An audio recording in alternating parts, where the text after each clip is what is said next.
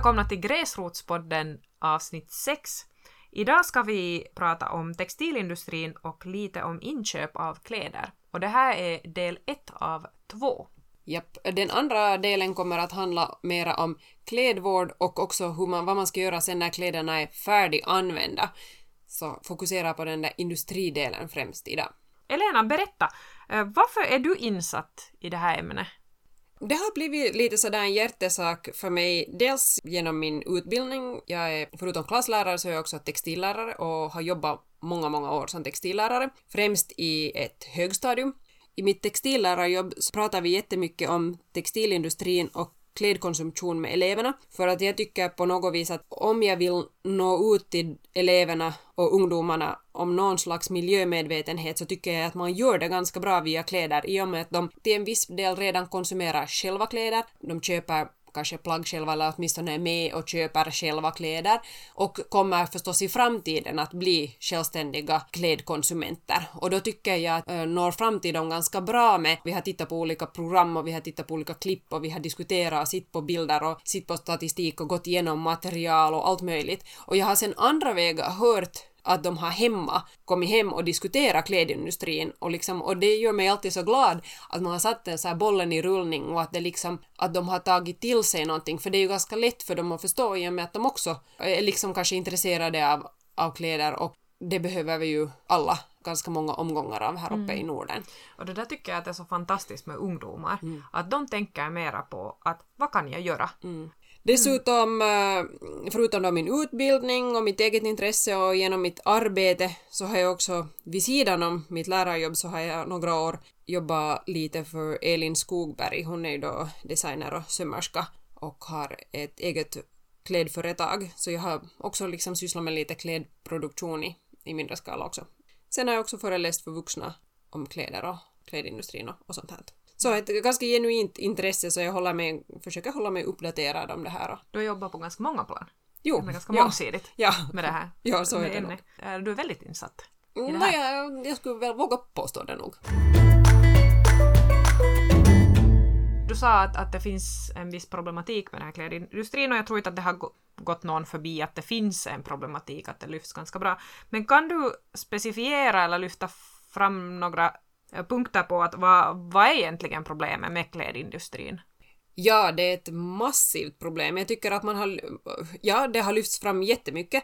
Maten har fått en känga ganska många gånger och man har diskuterat matsvinn och man har diskuterat matens ursprung och den industrin, men klädindustrin är också en jättestort problem och har en väldigt stor miljöpåverkan. De kläder som vi har på oss, de har rest ganska lång väg före de hamnar i vår garderob. Från tillverkningen av materialet, alltså då till exempel bomullen ska odlas eller andra naturmaterial ska odlas eller framställas i fabrik, till exempel syntetmaterialen, till att de ska då vävas ett tyg som vävs kanske någonstans. Först odlar, odlas kanske bomullen någonstans, sen ska det tyget tillverkas i ett annat land möjligtvis, det ska färgas någonstans och sen ska det sys upp i kläder, sen skickas det till någon lager och så här vidare. Att, att de är väldigt beresta de där kläderna före de hamnar i, i våra garderober. Klädindustrin är väldigt resurskrävande. Dessutom så tillverkas nästan alla kläder just nu i Asien i olika länder för att det är billiga arbetskraft. Det är billigt att tillverka där. Om man tänker på att klädindustrin började i Europa, i Storbritannien med industrialiseringen på 1800-talet, så eh, hade den också väldigt mycket problem där i början, men nu så har den eh, nästan helt och hållet flyttat bort från Europa. Visst tillverkas det här också en, en del, men att det mesta är i Asien. Mm. Det är billigt. Det är inte så noga tyvärr med arbetsförhållanden. Det är stor miljöpåverkan. Det finns mycket all sån här miljöfrågor om, om till exempel avfallshantering och sånt här. Så till exempel de här färgningsprocesserna och sånt här så påverkar miljön i kring väldigt mycket. Och det har också bildats här stora kåkstäder runt de här industrisamhällena och lönerna lever man inte helt enkelt riktigt på heller. Mm.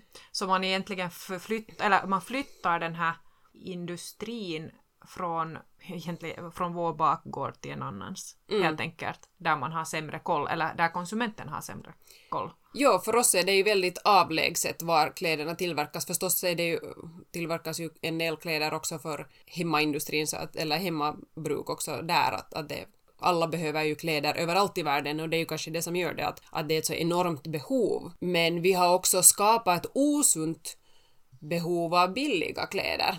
Och det är kanske den här fast fashion som också är ett jättestort problem. Och det, det har man pratat om många år redan.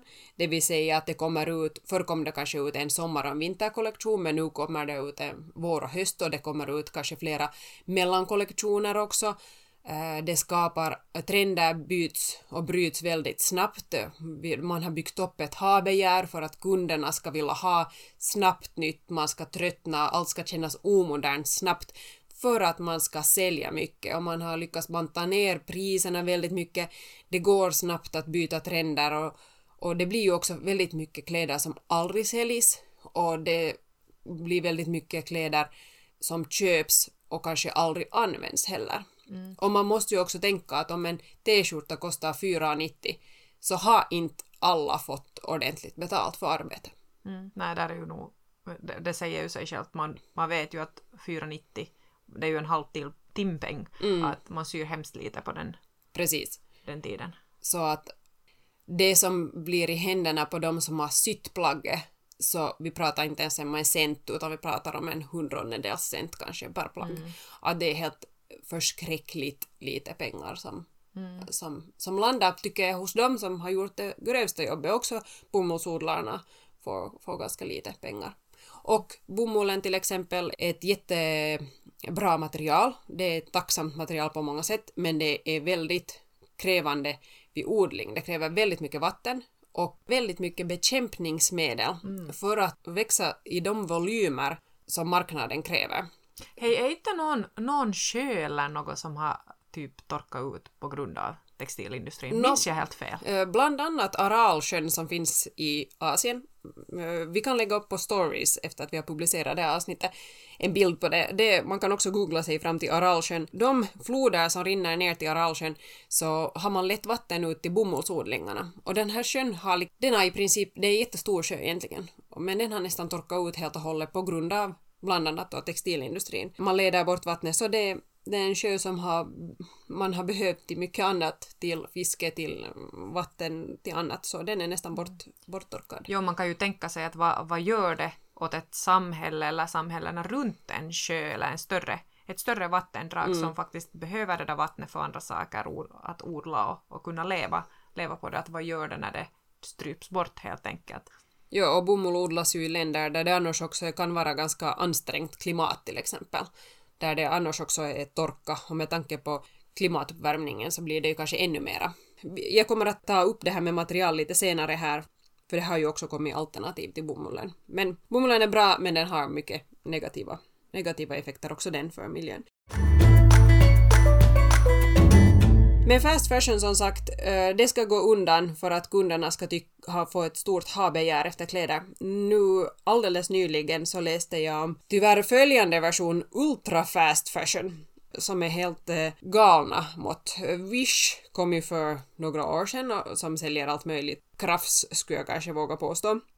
Men det finns alltså också en, jag vet inte riktigt hur man säger det, Shane eller Sheen, en kinesisk ultra fast fashion kedja. Om H&M i USA till exempel på fyra månader hade lanserat 4000 plagg så har Shein lanserat 315 000 plagg på samma tid. Alltså det är så, det är så mycket kläder att jag kan inte ens förstå. Superbilligt men med mycket problem med arbetsförhållanden, stulna bilder påstås det också och allt möjligt. Och faktiskt liksom billigt så som Wish att många kunder upplevde kanske att man upplever att man kanske inte riktigt får det som bilderna på nätet har då lovat, men det har varit så billigt så många tycker det gör inte så mycket att den här klänningen inte motsvarar det jag hade förväntat mig för den kostar ju bara fem euro. Och då betyder det att världen över finns det kunder som tycker så här att det gjorde inte kanske så mycket att den inte motsvarar för den kostar. Man tycker att man inte har förlorat så mycket pengar. För ibland kanske man får någonting som motsvarar förväntningarna. Samtidigt som man har då investerat sina småslant, eller man har stött en, en dålig industri Ja, enkelt. man har stött helt enkelt en dålig industri som inte är genomskinlig och det är kanske det som också är klädindustrins problem, att kunder och konsumenter tycker att det är så mycket mellanhänder, vilket det verkligen är, att det är svårt för oss när vi står i butiken att veta att vad har liksom vilken resa har det här plagget gjort? Är det etiskt framtaget? Det kan stå att det är till exempel ekobomull och det är ju alltid ett bättre alternativ än vanligt. Men emellan är det nog lite sådär greenwash. Att, äh, vänta, vänta lite. Greenwash, vad är det? No, det är att man låter, man vet, vissa företag vet ju att sånt som det står någonting om ekologiskt eller miljövänligt säljer bättre. Emellan kan det vara jättestort att det är någonting eko över en produkt. Till exempel något, det var något kläder som jag råkade se på det här, att det stod någonting stort eko, men när man synar noggrannare så var det själva den här lappen som hängde i plaggen som var gjord av återvunnet papper. Det var liksom det som var. Men det stod ganska stort så att man, om man var slarvigt läste så trodde man liksom att själva plagget hade någonting ekologiskt över sig. Men det var bara den här lappen. Och nu är det ju förstås bättre än ingenting det också, men, men just det kräver ganska mycket tyvärr av konsumenten på alla plan, vad vi än köper. Och textilindustrin har ju kritiserats väldigt mycket för att vara väldigt ogenomskinlig. Mm. Oberoende om det är ultrafast fashion-bolag eller inte.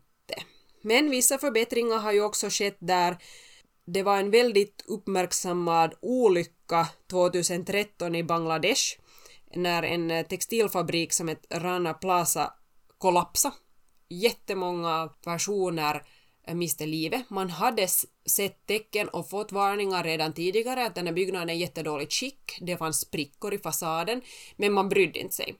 För att, ja, klädindustrin ser ut så här. Och den kollapsade sen den här byggnaden. Efter det här så var det på något vis en ögonöppnare för klädindustrin och det diskuterades ganska mycket.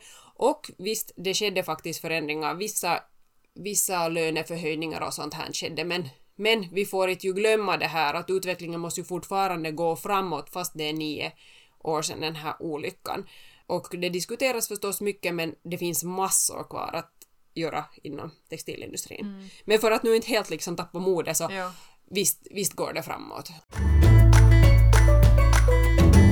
Men då måste jag säga att nu känns det ju ganska skit rent ut sagt att om mitt ha-begär för något visst plagg resulterar i dåliga arbetsförhållanden hos någon människa. Mm. Kanske till och med barnarbetskraft som utnyttjas, låga löner eller dåliga arbetsförhållanden överlag. Ännu att vatten liksom förorenas mm. runt omkring i det här samhället så det påverkar inte bara de som jobbar med de där textilierna utan också de som bor utanför fabriken ja. som inte får rent dricksvatten. Att hur liksom, när man, när man hör det här och tar in sån här information så vad kan jag som enskild lite halvfattig individ göra, eller kan jag göra något? Jag känner ju mig jättemaktlös i det här, att kan jag påverka på något sätt? Kan jag göra någon skillnad?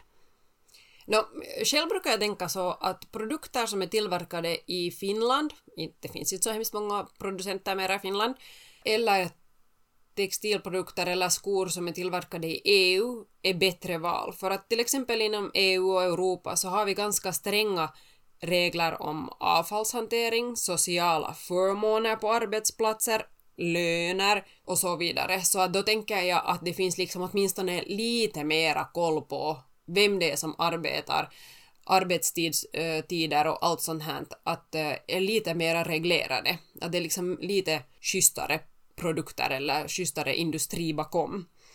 Eh, så det kan man ju kolla på den där lappen som är i kläderna, att man kollar man tar fram den i butiken redan och tittar dels på ursprung. Alltså det, där ma- det där made in någonting. Made, made in, in kan man lite titta på och där finns också skötselråd. Står det handtvätt så kan man ju då fundera, är jag en person som tvättar mina kläder för hand? Jag är inte en sån, så såna kläder blir i butiken, för jag börjar inte. Material är kanske det som jag tycker är nästan viktigast, för att det säger ganska mycket om plagget och hur länge om det är lämpligt för det som man har tänkt använda det till och vad man tycker om för material och så, så att jag tycker att det, det är ganska sådär, den är väldigt informativ så syna faktiskt den och sen kan man nu se också på plagget i sig att är det slarvigt sytt, ser det bra ut, att man tar en titt liksom också på insidan eller är den redan noppig i butiken så vet man ju redan vad som kommer att hända efter första tvätten också. Mm. Att man kan lite sådär granska plagget i butiken. Förstås om man köper sen på nätet så är det ju svårare men där finns ju ändå också materialinformation om alla plagg men man kan ju inte hålla det i handen och syna det på det viset och känna på tyget och sånt. Men där finns ändå vissa möjligheter där till det här. Tänk, där tänker jag just på loppisar, jag köper ju nu mest, mest på loppisar så nu får jag ju vara ganska noga där också med, söm, mm. med sömmar som du sa. Mm. Och just det där med noppigheten, att, mm. att är det noppigt redan där så, så är det ju noppigt. Noppigt jo. också hemma. Även om jag har noppningsmaskin så det vill inte riktigt hålla. Nej, precis. Och sen får man ju kanske tänka, eller det viktigaste jag brukar säga på mina föreläsningar är att man har med sig den här tanken i butiken att behöver jag plagget eller vill jag bara ha det? För vi styrs ju av så här dopaminkickar och det får man när man köper någonting nytt. Det känns bra i hjärnan om man får en sån här belöning mm. och det känns sådär trevligt. Men det går ganska snabbt om. Mm. Så sen behöver man igen att det är inte så att man köper en t-skjorta i januari och så håller dopaminkicken i sig liksom nej, det flera är väldigt, månader. Nej, det är ju väldigt snabbt. Det är en snabb lösning och det är snabbt borta. Ja, att den där belöningskänslan far bort sen och sen är man igen där. Att man faktiskt liksom blir lite sträng. Mm. Att man handlar bara det man behöver.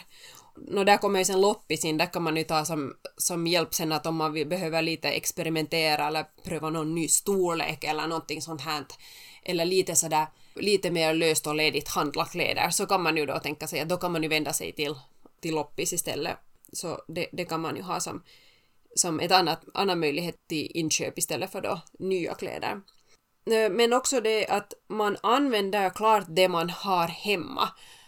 Att man inte börjar eh, sopa ut allt för att det är dåliga material eller dåligt ställe tillverkat eller sådär. Att använd slut och så funderar man sen när man köper nytt att vänta nu, vad kan jag tänka på för kriterier, vad är viktigt för mig eh, när jag ersätter nu det här plagget. Och där är det ju igen att dyrt pris garanterar inte alltid att det skulle vara ett bättre plagg. För mellan betalar man bara för märke för modehuset liksom. Och det kan man ju förstås göra också om man tycker att det är viktigt. Men jag har också någon sån där hm tröja som jag har haft säkert 15 år och den är, det är en av mina absoluta favoriter och den har hållit jättebra och den är ännu också kiva. Att det behöver inte alltid betyda bättre och de här så att säga billighetskedjorna har också bra kläder men det finns också det gäller att hitta dem där. Det gäller att hitta de där guldkornen och klart man också köper fel. Det, det gör väl alla, att det sen inte ändå heller passar men, man, men sätter man det i system att det inte gör någonting så det är då som det då är man ett, off, ett offer för fast fashion helt enkelt. Mm. Och det att det hänger kläder i garderoben åratal som man aldrig har använt eller redan i butiken vet att det här kanske inte är ett plagg som jag någonsin kommer att använda men jag köper den nu för den är lite rolig eller den är lite kiva Eh, det här, eller att man tycker att den är lite mode, men inte vet jag nu riktigt. Och så var den kanske lite på rea också. Eh, då har man ju gjort en miljöogärning.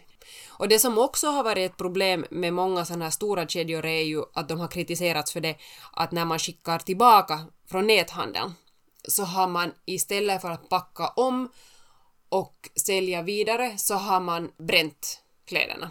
För att man har, de har åkt liksom rakt, man har kastat liksom kläder som har kommit i retur från kunder. Där kan, kan man också tänka att man inte bara på skoj beställer hem massa för att prova hemma, för att det kan hända att de åker rakt till roskis när de kommer tillbaka till den där enorma butikskedjan till exempel. Sånt här. Och det är ju jätte, jätte, jättetrist att det är så. Men det, de, vissa sådana här kedjor har fått jättemycket kritik för det här så jag hoppas att det också har skett någon slags förbättring på den fronten. Mm, och det hoppas man verkligen. Ja. Det känns ju inte hållbart. Nej, verkligen inte. Vilket slöseri på resurser att göra så. Om vi ska ta en snabb materialkoll så kan vi ta, eh, diskutera igenom några av de vanligaste materialen som finns. Man brukar dela in textilmaterial i naturfiber, regionatfiber och konstfiber. Naturfiber är kanske de som vi känner lättast igen. Det är alltså då bomull, lin, silke, ylle, sånt som kommer från naturen. Det kan alltså vara då växtfiber eller så kan det vara djurfiber. De här är de där kanske riktigt klassiska. Och man brukar säga att man, kan, att man ska helst köpa naturfiber. Men det beror ju lite också på alla material har både sina plus och sina minus. Till exempel bomullen är väldigt, väldigt användbar men den är väldigt resurskrävande att odla till exempel. Mm. Men där finns ju också ekologisk bomull som man hellre då kan satsa på om man, ja. om man vill använda bomull. Eller återanvänd second hand.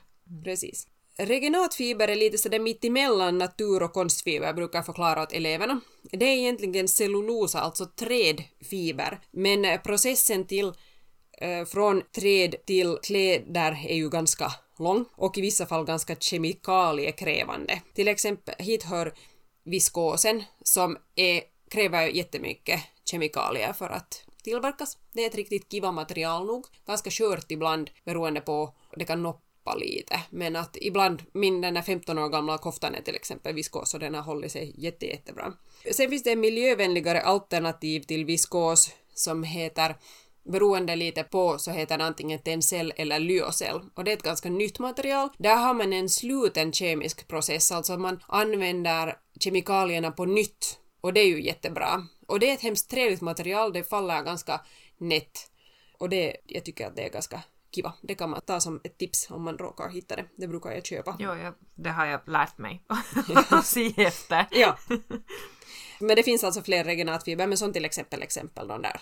Sen finns det då konstfiber. Dit hör polyester, elastan till exempel. Polyester är kanske den vanligaste. Polyester finns i jättemycket kläder. Allt som är vind och vattentätt är polyester. Och konstfiber är oljebaserade, alltså det är plast i princip. Där kan jag ju ibland få en filis av att jag lever i en plastpåse. Det andas inte så bra. Nej, de, de har vissa sådana här, eh, äh, akryl hör också till konstfiber. De, de har vissa sådana här bra egenskaper, till exempel om man vill ha vind och vattentätt så är det ju nog liksom polyester man ska gå efter. Om man vet att man ska stå ute i ur och skur så är till exempel inte yllekappan sådär hemskt vettigt plagg för det regnar rakt igenom den. Fast den ändå Ylle är ju jättebra material, det hålls ju ändå varmt, men ja, ni förstår hur jag menar. Elastan läggs till ganska mycket till exempel bomullsplagg för att ge den där trikån den där töjbarheten.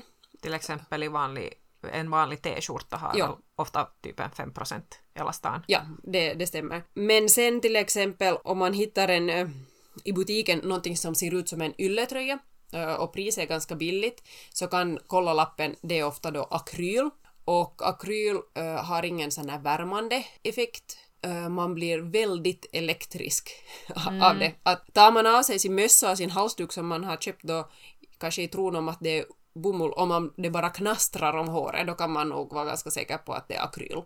Mm. Uh, det är förstås mycket billigare att producera en ull. Så, så det, det, är också bara plast. Men sen till exempel mycket sportkläder, vind och vattentätt nämnde jag redan. Sportkläder är ofta elastan och polyester och sånt här. Det torkar lätt och håller formen. Det är just olika så här träningstights och alla sånt här. Och de, de fyller liksom en funktion, alla simdräkter och allt sånt här. Att där är det ett bra material helt enkelt. Men uh, vi har ju hört också väldigt mycket om såna här mikroplaster och det, vad det lossar och det är just de här flis som också är gjort av konstfiber, alla de här så, så avger mikroplaster. Mm. Det har den baksidan sen. Mm. Att det sen igen vill man kanske inte ha i sina vattendrag eller? Nej, mm. nej, men att där får man igen avgöra vilka material tycker man själv om att använda mot huden och mot kroppen, mot vad, vad vill man, vad behöver man i sin vardag, vad sysslar man med i sin vardag. Många tycker till exempel att om man har en polyester långärmad att man blir ganska svettig i den. Det är just som du sa, kanske känns ja. som plast mot kroppen. Jag tänkte ännu på en sån här sak att kommer du ihåg då när vi studerade nu i Vasa och, och gick på loppis tillsammans och du hamnade alltid checka materialen på, på mina plagg. Vi kommer att på vår Instagram på Gräsrotspoddens Instagram att uh, lägga upp en liten sån här kort fiberlista kan vi väl kanske kalla det. Riktigt, riktigt, riktigt kort så att man kan sen om man står där i butiken så, så kan man öppna sin Instagram och kolla aj vad var det nu den lönar ju sig att spara eller ta en screenshot eller någonting så att du har den i fickan när du ska konsumera och kan snabbt checka att vad var det här nu för material, att, att är det här bra? Japp, så jag, jag ska knåpa ihop en sån åt en, tänkte jag. Bra. Martona brukar säga föredra naturmaterial eller blandningar. Så det är ju en, en bra riktlinje. Men som sagt, det här är svårt för konsumenter, eller oss som konsumenter, att det finns alltid den här baksidan att, att också den här produktionen i den här mängden, som, om man tänker på 315 000 plagg på fyra månader. Det är ju liksom, vi behöver inte så mycket kläder och allt hamnar ju aldrig ens i butiken eller något, för det kastas. Så, jo. så använd klart det man har i garderoben, förnya vettigt. Om du vill impulshandla, gå till närmaste loppis, se på materialet, titta på kläderna redan i butiken, kolla tvättrådslappen att passar skötselrådena din användning och din ork. Och ja, vi behöver kläder. Ja, det är ett enormt ansvar på konsumenten. Och ja, det känns jättetrist att det är en så här smutsig business. Influencermode är kanske det mest hållbara. Just att vi påverkas ju ganska mycket av sociala medier och, och vad vi ser och hur våra förebilder och de vi följer, att på vilket sätt de konsumerar. Och där faktiskt så jag blev ganska glad för att eh, en av Sveriges största influencers, Therese Lindgren, hade lagt upp att hon har nu en hållbarhetschecklista som hon, eller som hon kräver av de företag som hon samarbetar med. Och det är ju ett steg i rätt riktning. Och den här checklistan har hon tagit fram med eh, Johanna Leiman. Och det är ju roligt att någon med stort inflytande, speciellt på unga, tar det där steget att hej, jag vill ta mitt ansvar och jag vill veta mera om det här och jag kräver också att de jag samarbetar med tar sitt ansvar. Och det är då som man öppnar upp ögonen för både konsumenten men också för den som tillverkar kläderna. Eller de flesta tänker jag också att vinner på det att vi konsumerar mycket. Men att om vi börjar ställa frågor så då är det kanske början till en förändring. Och här är det ju också när konsumenterna ha, har makten på det viset att det är vi som sitter på pengarna. Fast vi bara betalar då 490 för en t-skjorta så är det ändå vi kunder som styr. De vill ju förstås sälja och om kunderna då med en sån här positiv snöbollseffekt börjar ställa mera krav, vilket också har hänt, så är det inte bara så där bara att, att sälja saker om inte kunderna är så blåögda som man kanske i början har tänkt. Att om kunderna börjar ställa krav så vill man ju också möta det i den hårda konkurrensen om kunderna. Men det är ju bra. Nu känner jag nog att jag har ändå möjligheter att påverka. Jag är ju inte riktigt ny i, i, i de här banorna heller. Men jag vet ju att jag har ju också mycket att tacka dig för det. För att eh, du har ju varit en stor inspirationskälla just när det kommer till hållbarhet inom kläder och, och textilier. Så du har ju haft ett inflytande Trevligt. på många. Även på mig. Men det kommer alltså en till del av det här klädtemat. Det är så enormt tema så jag tänkte att vi, därför delar vi upp det i två. Att nu har vi diskuterat industri och konsumtion har det här del 1 handlat om. Del 2 kommer att handla om klädvård och kläder som avfall. För det är också ett jättestort problem. Ja. Som vi kan lösa. Kan Som vi lösa det? Man håller på att lösa det, ja. Bra. Men det är inte så lätt att lösa det heller. Så nödvändiga men delvis problematiska. Hoppas det här varit ett informativt avsnitt. Hör av er med feedback antingen via Facebook, Gräsrotspodden finns där också och sen förstås Gräsrotspodden på Instagram. Jo. Följ oss gärna. Hej då! Hej då!